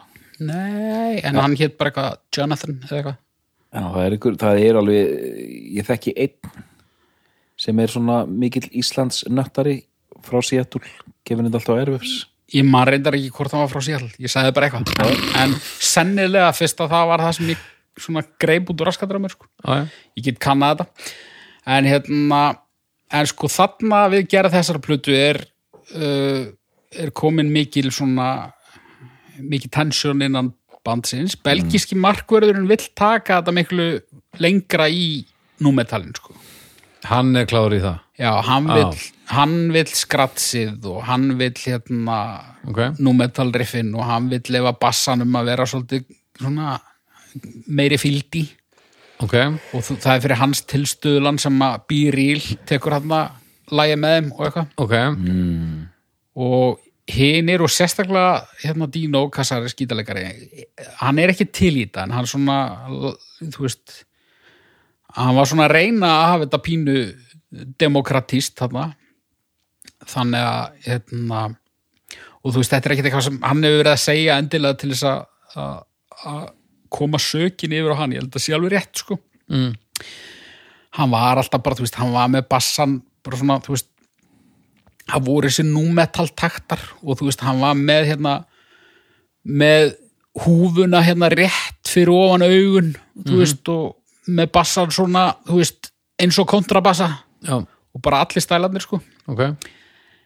en uh, það kemur eitthvað upp á þarna og, og einhver handalögmál og, Ok. og eitthvað og svo gengur túrin eitthvað illa og þeir sem sagt bara hætta Já, hætta 2002 þá bara hættir uh, ég man nú ekki einu sinni hvort það var Bertons í Bell söngari eða Dino gítalegari sem hætti en sem sagt annar þeirra hættir og hljómsettin er bara lögð niður ok. já, og hérna Vá, Hvað gerist? í mögulega er þryggja tíma nætursefnin aðeins að kekki núna Já, þú er líka búin að tala svo mikið sko, þú, Já, hérna, ekki þegar ég geti sagt eh, mikið að vita um þessu hljómsveit en, en þú voru að hérna, henda á mig boltanum eða þú þar þú stendur þig vel, fáður varsopa og svona, þetta er ekki búið. Nei, nei, Þú skal að nákvæmlega lofa drama. Heyrðu, nú byrjar dramað sko Já, gott. Árið setna koma sem sagt belgíski markverðurinn og trommuleikarinn að máli við Börtons í Bell söngara Já, og spurja hvort að hann sé til í að endurreisa bandið ok. án Dino Casares gítalegara, ha, það gæðir og hann Já. lætur til leiðast og þeir sem La- sagt, Og eh, Dino látum við það? nei Já! Gamla trikkið. belgiski markverurinn færir sig af bassanum yfir á gítar þeir fá eitthvað nánga úr hljómsveitinni Strapping Young Lad Mhm. yfir á bassa Ok. og það er bara hendi blödu Já, og ok. hérna Dino out hann er bara átt og uh, Hvað platan- plata, hvað er, Artstype heitir hún, kemur 2004 ef maður rétt ok, já, passar. og það er plata sem er nokkuð vel metin sko. Ok, mér finnst hún ekkit sérstök ok.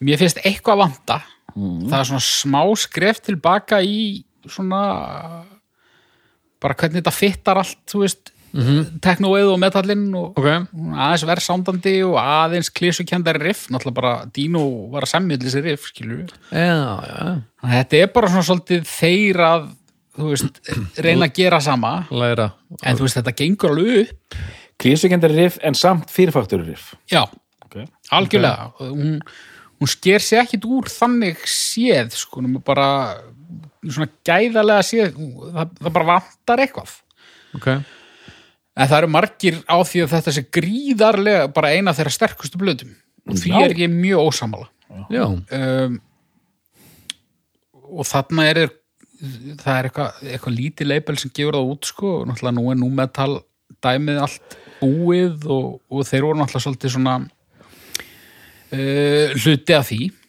akkurat uh, og það er hent strax í aðra plötu að mér minnir ári síðar sem heitir Transgression Mhm.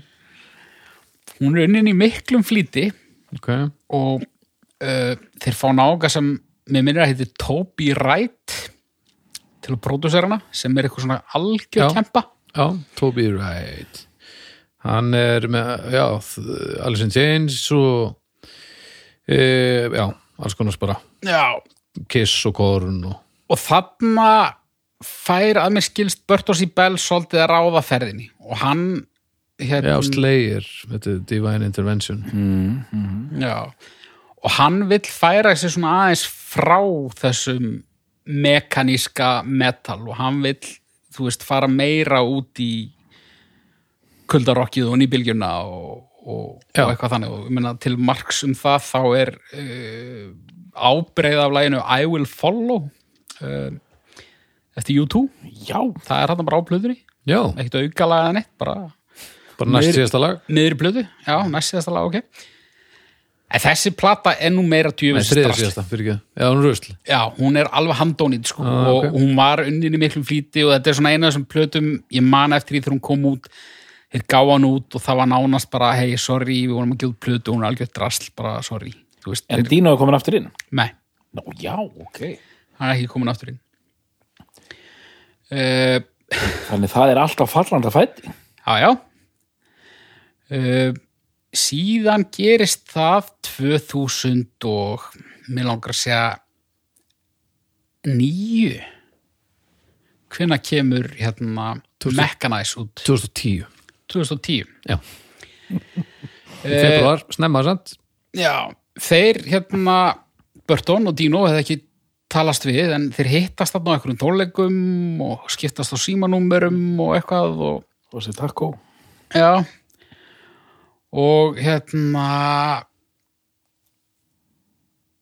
hann kemur inn aftur hinn er tveir út belgíski markvörðurinn og Raymond Herrera þeir eru bara out Það er bara svo laus það eru málaferli og þetta er leist þannig að sko þeir eiga allir í jafnt hlutfall af sem sagt, uh, treydmarkinu að sem sagt, uh, þeir Burton og Dino fá að halda nafninu gegn því að borga þeim einhver mánaðaleg gjöld af notkun á nafninu Já, og það kom eitthvað í hlut Bertons í Bell að gera það og hann gerði það í eitthvað tíma og svo bara hætti hann því og svo fór hann í gjaldþrótt og þetta var eitthvað algjört dæmi og það eru mjög svona eh, misvísandi kenningar um það hvers vegna hann gerir þetta en svo lífsegasta er svo að e,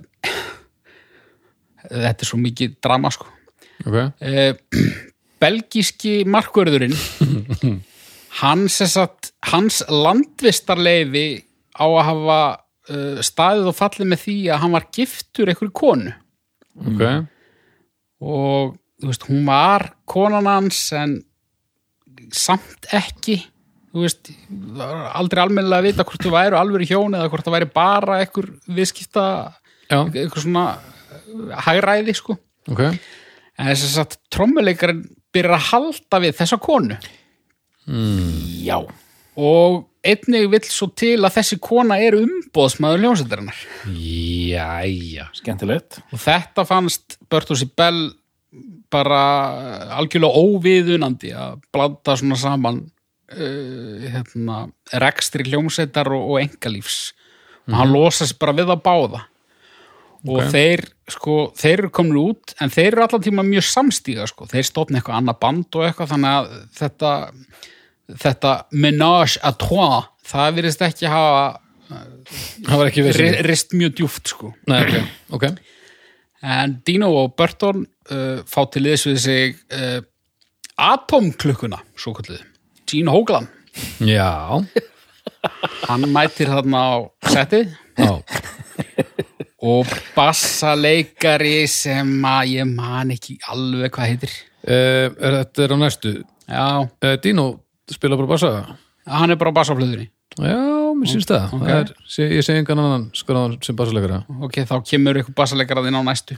Já, En þessi plata er rosaleg og þetta er bara þarna er bara eins og síðustu plötur hafi bara ekkit átt sér stað sko. The Industrialist Ertu að tala um Nei, hana? Mechanize Mechanize, ok Já. Þá ætla ég að tók hvort að það er, það er comeback platan sko. það er komplek Já. Já. Þá er við með Byron Strát og bassa Byron Stroud Dino er á bassa á næstu Já, Byron Stroud, ætli hann hafi ekki bara verið með þeim þarna? Strapping on Lad Já, hann Í hefur þá kannski Monolith. verið á plötunum á undan líka Getur verið Ah, skiptir ekki máli Mhm.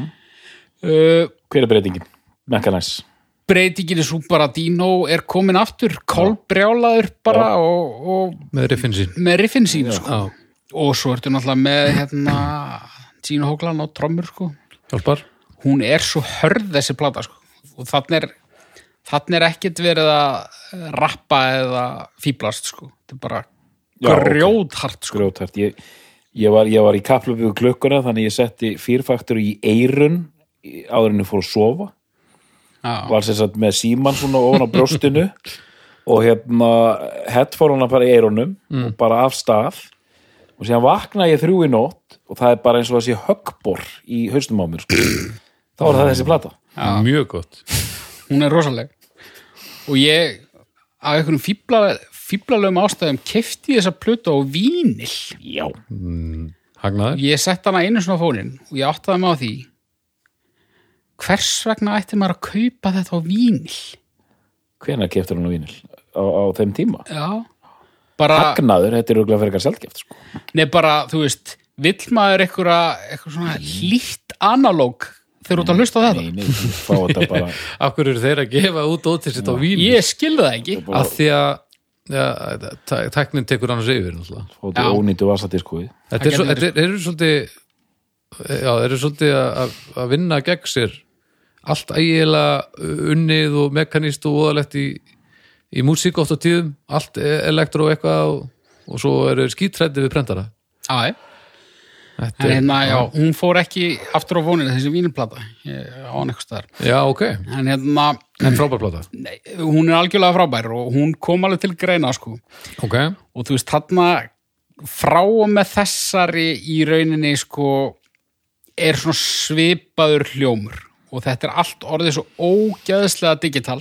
já, allt svo rosalega kvantæst og, og þú veist sound replaceað og það er bara já, það, það, þetta er bara algjörlega dauð hreinsað Ok. sem að ætti að vera frekar ósjarmerandi sko. já, já, já, en þú veist, auðvitað er, er þetta konseptið já, já, algjörlega. það er alveg lógist að þeir farið þangað Já, algjörlega.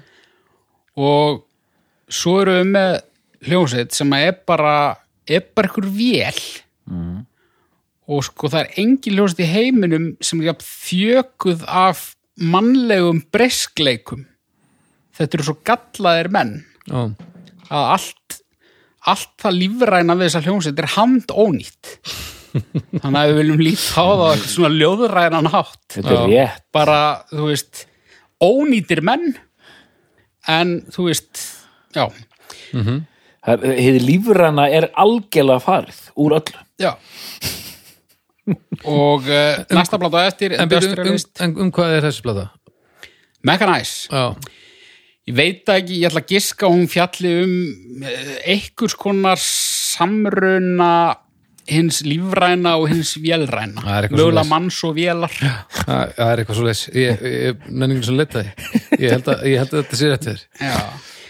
Industrialist kemur 2012 Mhm. þar er Hóklan ekki hann var ekki það var eitthvað bara, fór ekki um umbóðsmann hann vildi eitthvað meiri pening og þeir bara nei við prógramurum bara trómmunar og Dino er svo mikill skíthall sko, svo er hann bara strax komin í metalpressuna bara já, bara þú veist ég veit ekki hvað Dino Hóklan heldur eiginlega hann sé, þú veist, heldur hann bara virkilega að þetta séu hans trommur á mekkanæ sko, það er búið að soundri pleysa þetta allt og þú veist en þú veist, þegar þeir fengan skilur við, þá montu þeir sig af því þú veist, bara, við erum með besta trommar í heiminum skilur Já, þetta en er svo þegar hann er farin þá drulla þeir yfir hann og segja að hann hafi verið bara óþarfi sko. djöfulir, er fucking leðilegir. eru óþólandi Oj. og svona er, þetta er hann í sko. nótskun Þetta er þemað bara. Já, Burton er ekki svona hann er ekki svona svona sko, Ok, hans breskleiki er af öðrum toga já, eh, hann er svona fjárglæfra maður svolítið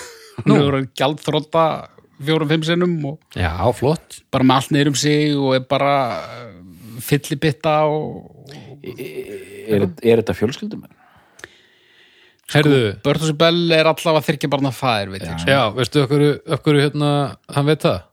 Veist, veistu veistu okkur, ég veit það? Af því að ef ég fer hérna inn í hann á Wikipedia Já. og ég ítti hérna á personal life, Já Bell has three children and is married. Ekkert meira. Það Wow! er eina sem stendur á það. auðvitað, Já, Já, já. auðvitað Industrialist þar eru þeir bara hreinskilin með það frá byrjun bara það eru bara prógrameraðar trómur Og Dino gerir það. Já, uh, nei, það var eitthvað annað út sem gera það En, hann er alltaf skráðu fyrir því. Er það? Já. e, Dino er svona mastermindin í Jú, og, músíkinni og John Sankey líka. Já, alveg rétt. Já. Og hérna, hann var svona makkar. Já, Uh, aðdáðandur mjög ósáttir ok. og þú veist, trommusándið á þessari blötu er ekkert frábært en þú veist, ég held að vandamálið liggi ekki í því að þær eru prógrameraðar. Þú Ok. veist, út í að þetta er orðið það digital að þú veist, það er ekkert eins og það sé eitthvað gett líf í trommunum á plötuna á undan Nei, nei, skilji. en hérna en þú veist, það vantar eitthvað en hún er ágætt Ok. uh, fyrir bara hratt yfir um, Genes, Genexus Genexus. 2015 minnum mig Jöp, Einmitt. rétt. um, Eitt reyndar, ég ætla að bakka aðeins Ok. þarna tekum maður samt eftir í uh, eftir comebackið í rauninni að Bertolsi Bell hann er hættur að nenna þessu og hann Já. er alveg staðfest það setna hann í rauninni bara frá bara svona 2000 og frá í rauninni þeir hætta bara hann í fyrsta skipti og hann endur þessi bandi með hinnum bara þú veist þetta var bara hans innkoma mm. hann hafði engan áhuga á þessu Mm. þannig að hann svona, þú veist hann bara gerði þetta út af hann þurfti þess sko. og, og það er fyrir að heyra svolítið uh, svona uh, þessi sterku klín viðlög eru orðin svolítið svona óeftirminnileg Ok. Já, já, einhver klín kapli, já, já, flott þú veist, já. hörðu kaplan er alveg bara ekkit út á þá, þá að setja ekkit út á tónlistin að setja en svona söng ákvarðanir bara skrýtnar sko. og hann er líka orðin frekar lélugur live þarna Ég, ok, hann Já. er bara í, með hálfum hug Já. Ok. en Genexus er ljómandi góð plata en þarna slettist upp á vinskapin hjá þeim eitthvað Eh, endar með handalögmálum sem ég fyndi í ljósi þess að þarna eru þeir alveg að detti fimmtugt Já, svona. Hann er 43 eða eitthvað. Já, Dino er 66 mótel, þannig að hann er 49 sko. Já, já. Handalumál Já. Já. Já, og... maður verður að halda sér ungu. Og svo kemur þessi síðasta plata út eftir að eftir að Bertons í Bell er hættur og hann í rauninni tilkynir tilkynir engum að hann sé hættur Já, já. hann tekur upp þessa síðustu plötu hún er tekin upp mörgum árum árum hún kemur út Ok.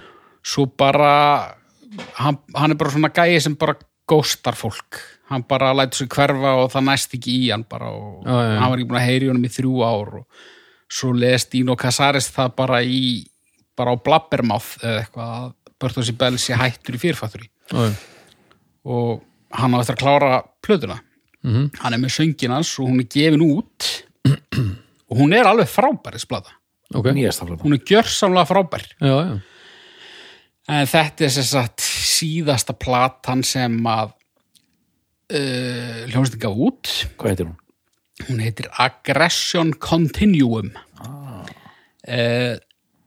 en ástæðan fyrir því að, að allur þessi tími líður er svo að það eru enn einn málaferlin. Nú, hvað gekk núna? Hann var eitthvað gjaldþróta og það var eitthvað með eitthvað og hann skuldaði, já, hann var gjaldþróta og gat þess ekki í gjaldþróta yfirlýsingunni að hann skuldaði belgíska markverðinum og Raymond Herrera Já. samtals eitthvað miljón dollara og eitthvað og hann fekk bara þeir voru á eftir honum og skatturinn og eitthvað og þetta endar í rauninni með því að treytmarkið er bara, það er bara uppbóð á treytmarkinu Ok. og hérna það kemur eitthvað bóð frá þeim tveimur hana, Belganum og Raymond Já. og Burton vill ekkert með þetta hafa og hann má ekki bjóða í það út af því hann er gjaldfróta Já. Dino Casares slær hérna, á lán frá Nuclear Blast og kaupir treytmarkið. Ok. Og, Kemur þessari blötu út og veitum við hvað það kostaði? e, það var miljón dólarar. Miljón dólarar. Já, Ok. það var basically, ja, nei það er örglátt að covera þessa skuld og eitthvað aðeins meira, ég veit það ekki. Ok. En hérna, bara eitthvað svona advanced Ok. a- advance Já. kreðisla. Já, já. En þessi plata kom sérst út að mig minnir í fyrra, Uh, 21. 21. Já. Já. Tekin upp sko 2017. Já. Og Dino samur við sig, hann er bara á Twitter að tala um það að Burton C. Bell hafi ekki getað sungið í tíu ár og hann sem Djúl, dóp, þetta magna hann sé lið. dópisti og, og hérna, Vá ja, þetta, er- þetta er allt svona. og hérna, og hann nakk rífst við sko aðdándur, Já, já, hann hikar ekki við það já, ok, og hann, hann skilur til dæmis ekki brandara eða kaltæðinni þannig að ef einhver er að segja eitthvað, svona, Ah. eitthvað smá þá bara eh, verður hann alveg mjög styggur sko ok, mætir á klámráðu stefnur og svona mætir á klámráðastefnur já, ég sagði doktorinu það hann er Já. svona, þú veist hann er bara úkslega glötu típa sko. Sl slísi gæja. já, hann er slísi gæi það er bara það sem hann er sko. Já. en, og, og þú veist þetta er ótrúlega, þetta er, þetta er svona mastermindið á bakvið eina af þeim hljófastöndum sem ég þykir hvað vænstum í heiminum og sko, ég myndi ekki ég myndi ekki einu sinni nenn að fá mér einn bjór með honum sko Nei, ég, ég- þú veist ég myndi stinga hann af svona, ei, ef að- ef að fara hann, hann fór úr klósti, ef Já. að beila já, þetta, drögum okkur. þetta er alveg þarna sko En svo kom út í fyrra remixplata af þessari blötu. Þannig að þetta er ennþá í þeim já, já, feeling, sko. já, já og hún kom út eitthvað in, instrumental útgáfa og eitthvað Já, já, já. en svo gerist það að sem sagt uh, Þetta er alveg rosalega. sko ég er að gleyma svo miklu en, en við erum að fara að hætta þessu uh, svo gerist það að það er ítalskur maður í Facebook-grúpu sem ég er í Ok, já, sem er búin að vera svolítið duglegur við að setja inn svona, svona söngcover söng cover. já, bara svona vocal covers bara á YouTube, Ok, bara hann að að syngja yfir einhverja fyrirfaktur í instrumentala ok. með svona mjög þykkan ítalskan reym Mjög gott. og hann sess að er nýji söngvarinn í, í, í, í fyrirfaktur Já, hann landaði þessu. hann landaði þessu og þeir byrjuðu bara túra um daginn Ok, og á trommur er maður sem þú kannast við nú. Pete nokkur Webber úr Havok Já, hann er þess að túring trommari en, Ok. en, en eitthvað kenningar um það að hann sé bara nýju trommari sko. já, góður. og þeir eru bara að taka þú veist einhver einhverja 500 manna klúpa sko. Já, og þú veist en betur hver eru það á bandinu? hérna, Dino Casares, aha, ítalski maðurinn ítalski Já. vinnur Já. Haugs. uh, Havok. Havok trommari sem svona Aha. touring member já, og bassalegari, ég man aldrei hvað já bassalegari heitir það er bara einhver Ok. það er bara einhver einhver dúti, Já.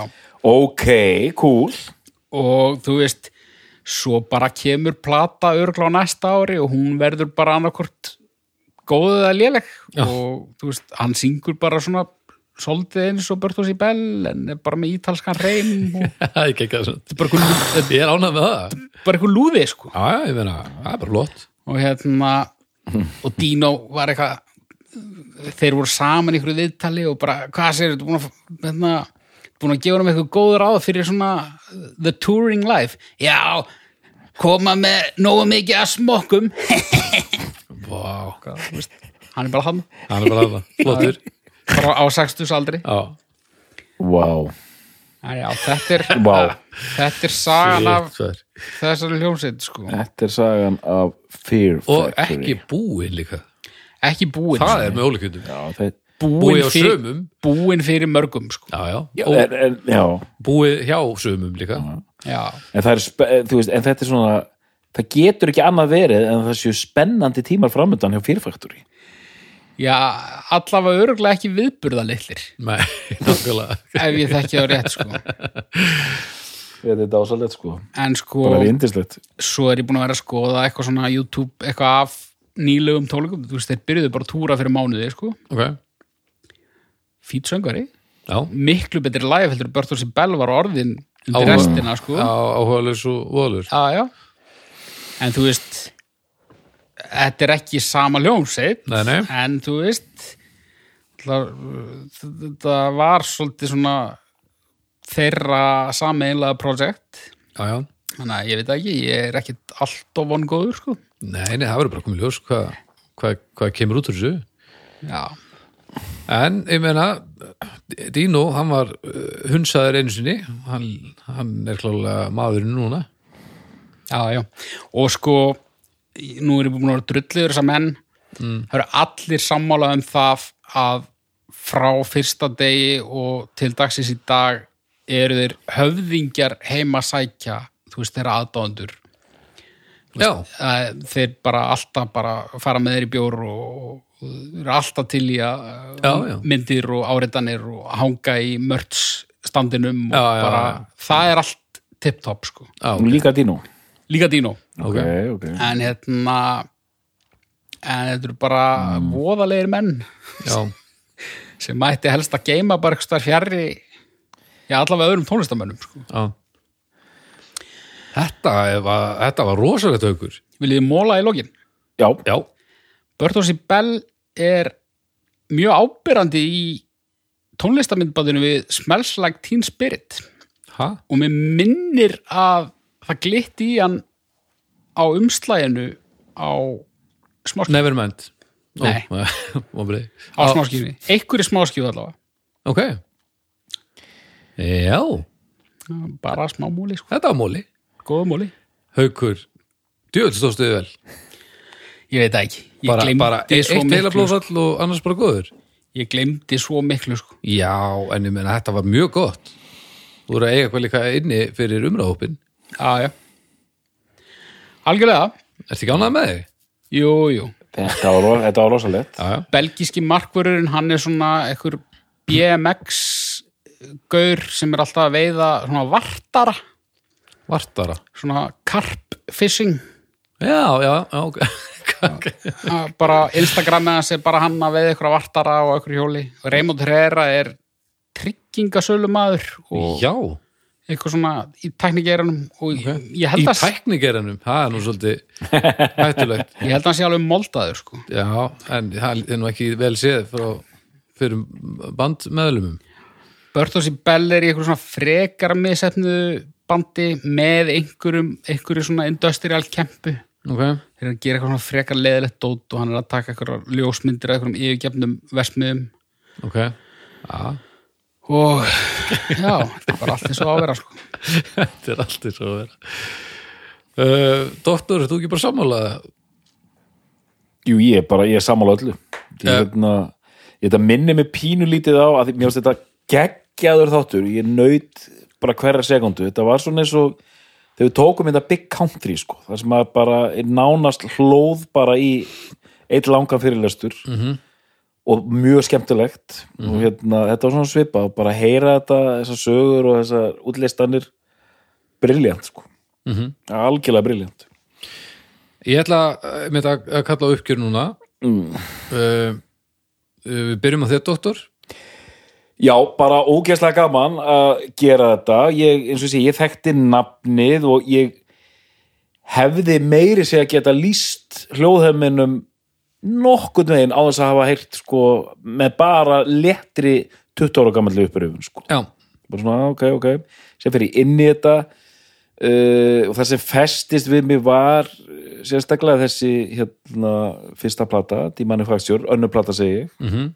þú veist, platan uh, hérna Obsolete tók ég líka nokkuð þétt hún er einmitt bara mjög þétt og ég tók vel eftir þessu þarna á, á hérna uh, Mechanize Já. sem er bara alveg bara heggur að manni hausinn sko svakalegt dæmi úr- einmitt mjög hörð þetta er bara svona stálkassar einhvern veginn rinjandi á mann og höggbórar um, en ég já og hérna og ég svona þú veist það er þessi The Manufacture sem svona nær mér en mm. með öllum fyrirvörum að ég er eh, svona rétt að eh, hérna sniffa af þessu og er svona hérna er, er, er, er svona auðmur bólur hvað þetta varðar eins og, eins, eins og málinu núna mm. en bara, þú veist í- þetta er búið að glimja þarna á stangarholtinu hérna reglulega í svefnið mér sér og í svefni meiri segja og þetta er bara flott sko Þæ, þetta er þægilegt sko Þetta er það ég það er lett uh, Haukur, uppgjör og ég kannski byrð þig og jafnvel ykkur í saminningu að koma kannski aðeins inn á það hvað þýðingu þetta band hefur fyrir tónlist af því það glemtist svolítið Já, Já, um, þú veist eru áhrifavaldar á alls konar númetal mm -hmm. eru áhrifavaldar á uh, eru til dæmis bara messuka og þú veist, já ég heyrði þetta, þetta einmitt. gent dæmi allt Já, já, já, já, svona uh, og margir líka bara svo samtíma sveitir sem að voru kannski nokkrum árum á eftir já, hafa talað um þá og mér finnst þetta meira ábyrðið í setni tíð að fólk er farið að týna þá til sem áhrifalda mm -hmm. ég heldur bara að hafi glemst svolítið já, ok uh, þú veist þeirra mikilvægi þáttur í stóra saminginu, ég veit það ekki að, ég, ég heyrði þetta með sjúkadæmi ég, ég bara, ég, mér fannst það að vera eitthvað svo fara átt að ætla að þýrfaktori hefði haft áhrifa með sjúka en það er rétt mm -hmm. trommurnar, þú veist, og bara þessi, þessi kersla sko, og, og svona rithmist ótt á köflum svona, já, en það, þetta er svo fyndið sko að, að bandi sé ekki stærra en þú veist, áhrifalda miklir í ákveðnum efnum og taka þetta bara nú ætlum við bara að gera industrial metal alla leið Já. og þetta er bara svona mm. veist, það er einhvern veginn þakkarvert þetta er bara best of both worlds einhvern veginn sko. já, já. en, en, en hliðstæðuleysið er held í satt sko. Ég held það sko Líka bara svona, þú veist eða ekki gert þessar tíu plötur hversu mikinn óskunda hefðu þér þá gert mm -hmm. Ég veit ekki hvað ég get sett ykkur það að það er allavega fleiri að hlusta á fyrfaktur í mánæðarlega á Spotify en á Sveit, okay. Ok, hva, byrju ég flettis upp í manni hvað það var rétt af miljón 992.000, Ok Já, það er meiri sér aðeins herra en ég hefði giska á já En hérna Já, sko Uppgjör já, Sko, ég lá andvaka í nótt út af því ég var að hugsa hvernig ég hefði tengt þetta við biblíuna.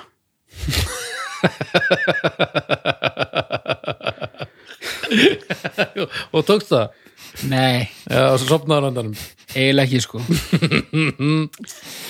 en, hérna, wow, Jesus en þú veist, þeir tekka alveg, þú veist, ef við tökum til dæmis bara höfusindindar sjö, sko, þeir eru alveg með svartabelti í þeim öllum. já, já, já, já, satt, satt Og þeir eru bara svo, þú veist, Dino, Dino er náttúrulega svona 200 kíló, ef við byrjum þar. já, Og þetta er bara græðgi og losti og bara öfund og, og volaði, sko. smokkar út um allt og allt í voða en hérna en nei, ég fann nú ekki góðan biblíu á þetta sko, en Nei. hérna en sko, ég, ég er bara svo gladur eh, þó að þetta sem mögulega búið og, og næsta plata verið bara eitthvað algjört frat -hmm. að hérna þetta er flottur ferill og engin svo stórkostleg fylsbor Nei. tvær plutur vafa samar en þú veist ekkert ófyrirgefanlegt mm -hmm. Mhm. og í rauninni er þetta svolítið skrítið að þetta höfði svona mikið til mínu annars að ég hef aldrei farið að ykkur um þunga í industrial tónlist til dæmis Nei. bara aldrei En það er kannski nema að því að- í gegnum þetta bara En það er kannski bara af því að þetta er svo mikið, kemur svo mikið úr þungaróks áttinni sko. Já. já, ég held að það sé og satt náttúrulega bara dauðaróks áttinni en samt það skemmtilegasta sem ég finnst það er ekkert í þessari tónlist sem gleður mig meira heldur en þegar hann kemur með nýbylgju opnu Já. skerandi hljómana Já, Þú veist, þessi örfáu moment á hverju plötu þar sem hann er að spila ekki þungarokk já.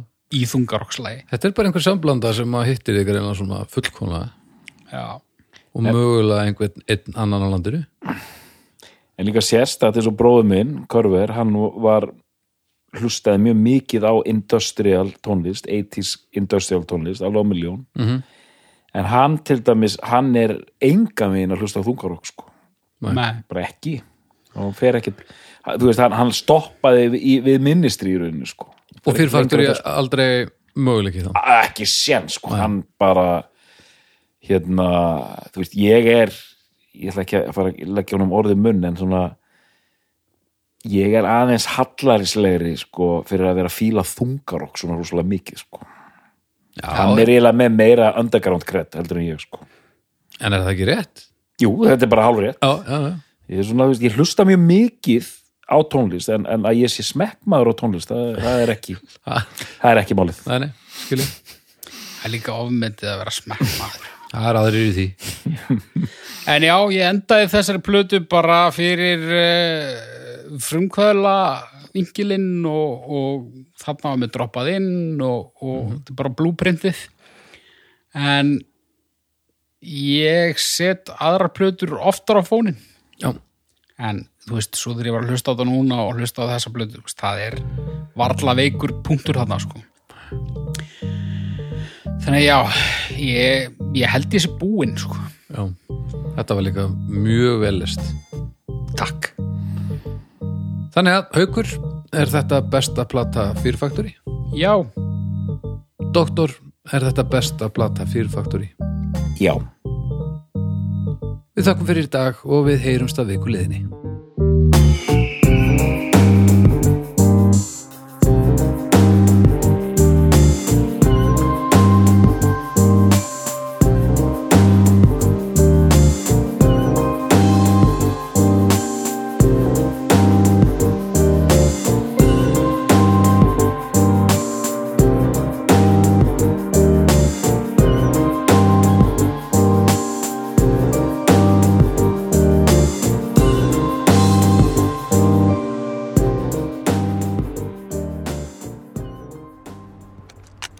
Sjóvá tryggir rattirnar í höfðun á þér. Sjóvá er sérlegur bakkjarl hljóðkirkjunar.